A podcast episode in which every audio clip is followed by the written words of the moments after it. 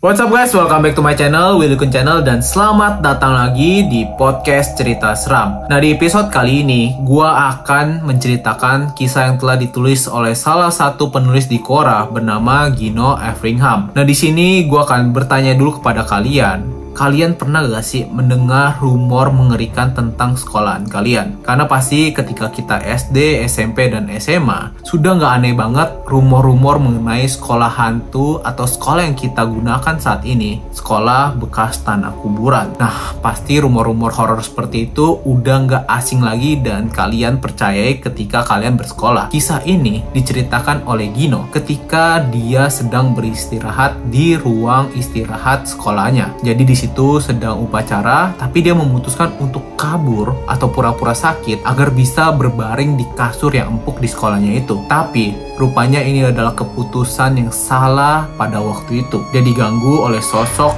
yang menghantui dia. Nah, bagaimana kisah ini? So, gue saranin kepada kalian untuk siapkan posisi nyaman kalian, langsung pasang headset, dan siapkan cemilan kalian juga agar kalian bisa menikmati podcast ini lebih baik lagi. So, langsung aja, let's go!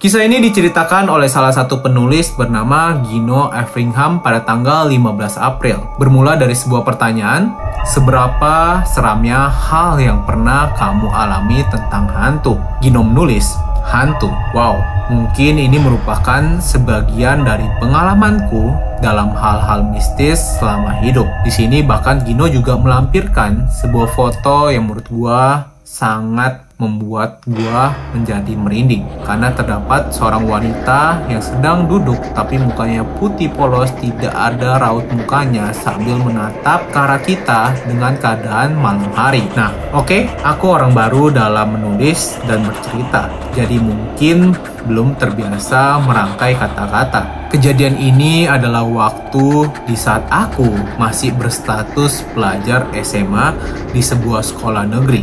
Hari itu pelajar cukup padat, maklum.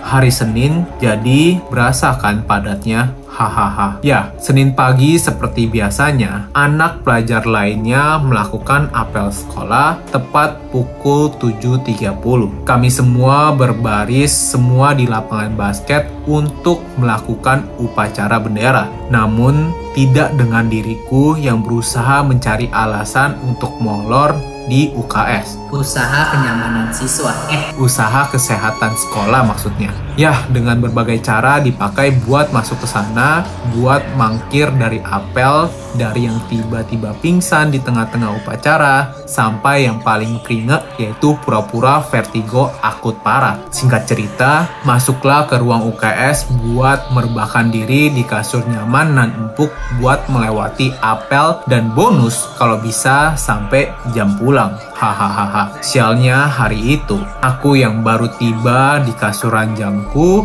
harus mendapatkan pengalaman gak enak tentang UKS sekolahku. Gambaran besarnya, ruang UKS sekolah tidak cukup besar dengan ruang sebesar 6 kali 4 dibagi menjadi dua ruangan yaitu ruangan utama dan ruangan dengan dua bilik kamar istirahat. Kamar istirahat hanya di sekat kayu dan di dekat pintu, tempatnya di ruang utama UKS, ada kursi dan meja untuk anak PMR yang menjaga satu orang, lalu ada beberapa lemari kayu berisikan obat dan peralatan kesehatan lainnya. Di tempat bilik yang aku gunakan, ada jendela yang mengarah halaman belakang sekolah, lebih tepatnya semak-semak dan pohon jati lagi pada rimbun di tengah fasilitas kenyamanan yang sedang aku rasakan. Mungkin itu sudah 18 menit aku rebahan di sana. Dari bilik sebelahku ada yang berbicara dua orang wanita. Mereka bergumam cukup lama. Aku tidak terlalu menghiraukannya karena aku pikir itu biasa saja mereka lagi bergosip tentang kakak kelas mereka yang ganteng. Mungkin aku. tidak lama dari itu, aku mendengar salah satu dari mereka ada yang menangis pelan.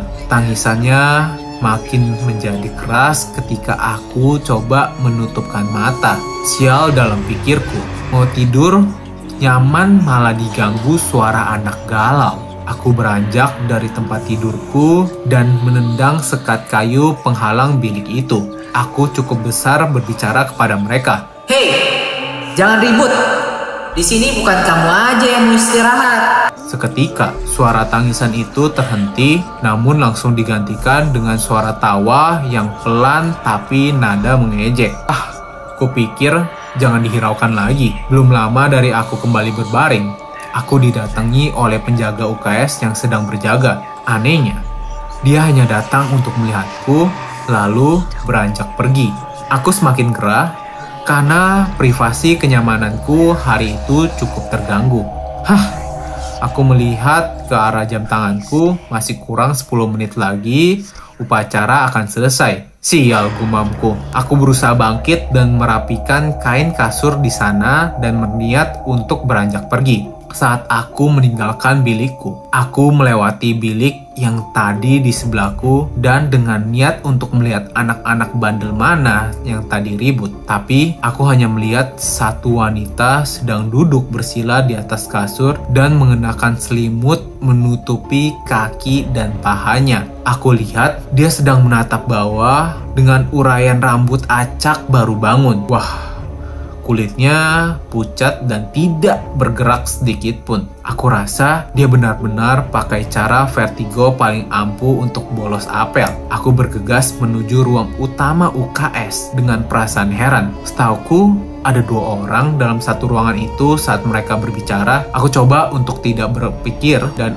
saat aku berada di ruang utama UKS, aku menemukan bahwa tidak ada penjaga UKS dan pintu UKS tertutup. Aku mencoba membuka pintu dan sialnya itu terkunci dari luar. Aku tidak habis pikir, petugas UKS mana yang meninggalkan kami berdua di dalam UKS yang terkunci, mana di situ cowok dan cewek. Aku coba untuk mengintip dari jendela menuju keluar UKS. Tidak ada satu orang pun yang berjaga. Akhirnya, aku memutuskan untuk duduk di kursi ruang utama UKS sambil menunggu upacara selesai dan membuka kunci ruang ini. Damn! Sialnya, itu perempuan tadi kembali menangis dan kini cukup kuat hingga aku terganggu. Lalu aku bergegas ke bilik tempat dia diam dan melihat dia masih dengan posisi yang sama namun kini dia tertawa kencang. Posisinya masih sama, nunduk bersila pakai selimut di atas kasur kenyamanan. Wah, Ente, bener-bener kebanyakan sarapan pakai gula, kataku ke cewek itu. Seketika, dia bergumam, namun aku tak tahu apa yang dia bicarakan. Aku lekas pergi ke ruang utama dan mendapatkan anak lain baru selesai upacara. Aku menunggu cukup lama hingga petugas UKS menemukanku terjebak di dalam situ. Ketika mereka membuka pintu, mereka sontak kaget melihatku yang berada di dalam UKS. Mereka lalu bertanya padaku, kok bisa-bisanya di dalam? Aku menjelaskan bahwa dari awal upacara, mulai aku sudah berada di UKS dan juga sudah diberi izin oleh siswi UKS yang berjaga. Namun, mereka menjelaskan hal sebaliknya. Sejak pagi, petugas UKS belum ada yang masuk ke ruangan UKS dan juga belum ada siswa atau siswi yang mereka lihat butuh penanganan ke UKS, maka sebab itu ruangan masih dikunci. Aku merasa sangat heran dan kepikiran, hmm, Jelas-jelas tadi waktu aku bolos ke UKS, petugasnya dengan ramah melayaniku dan juga mereka mencoba untuk mendatangiku saat setelah aku menendang bilik kamar di sebelahku. Wah, pikiran makin gak beratur ketika aku menjelaskan bahwa ada satu orang anak cewek lagi dan mereka malahan ada dua orang ketika pertama kali aku dengar di awal. Aku yang awal kira dia berbicara dengan petugas UKS saat itu jadi tidak berpikir jauh lagi. Tapi nyatanya, anak yang aku lihat duduk bersila di sebelah bilikku benar-benar tidak ada di ruangan itu.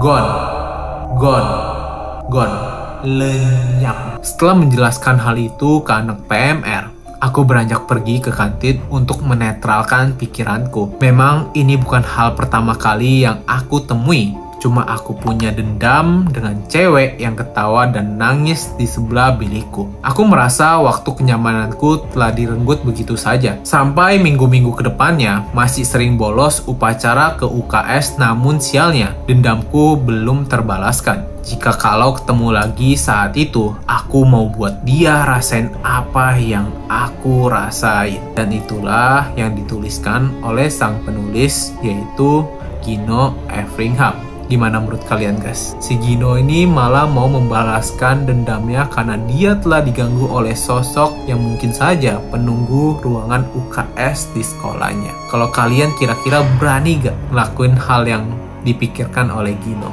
Kalau gua sepertinya nggak dulu sih. Nah itu dia kisah hari ini guys. Nah sebelum gue menutup podcast ini, gue mau minta tolong kepada kalian untuk selalu support channel ini. Caranya gampang banget, kalian tinggal klik aja tombol subscribe-nya. Ada di pojok kanan video kalian sebelah sini guys. Kemudian kalau kalian melihat tombol jempol di sebelah kiri sebelah sini, langsung aja bisa kalian tolong klik juga ya guys.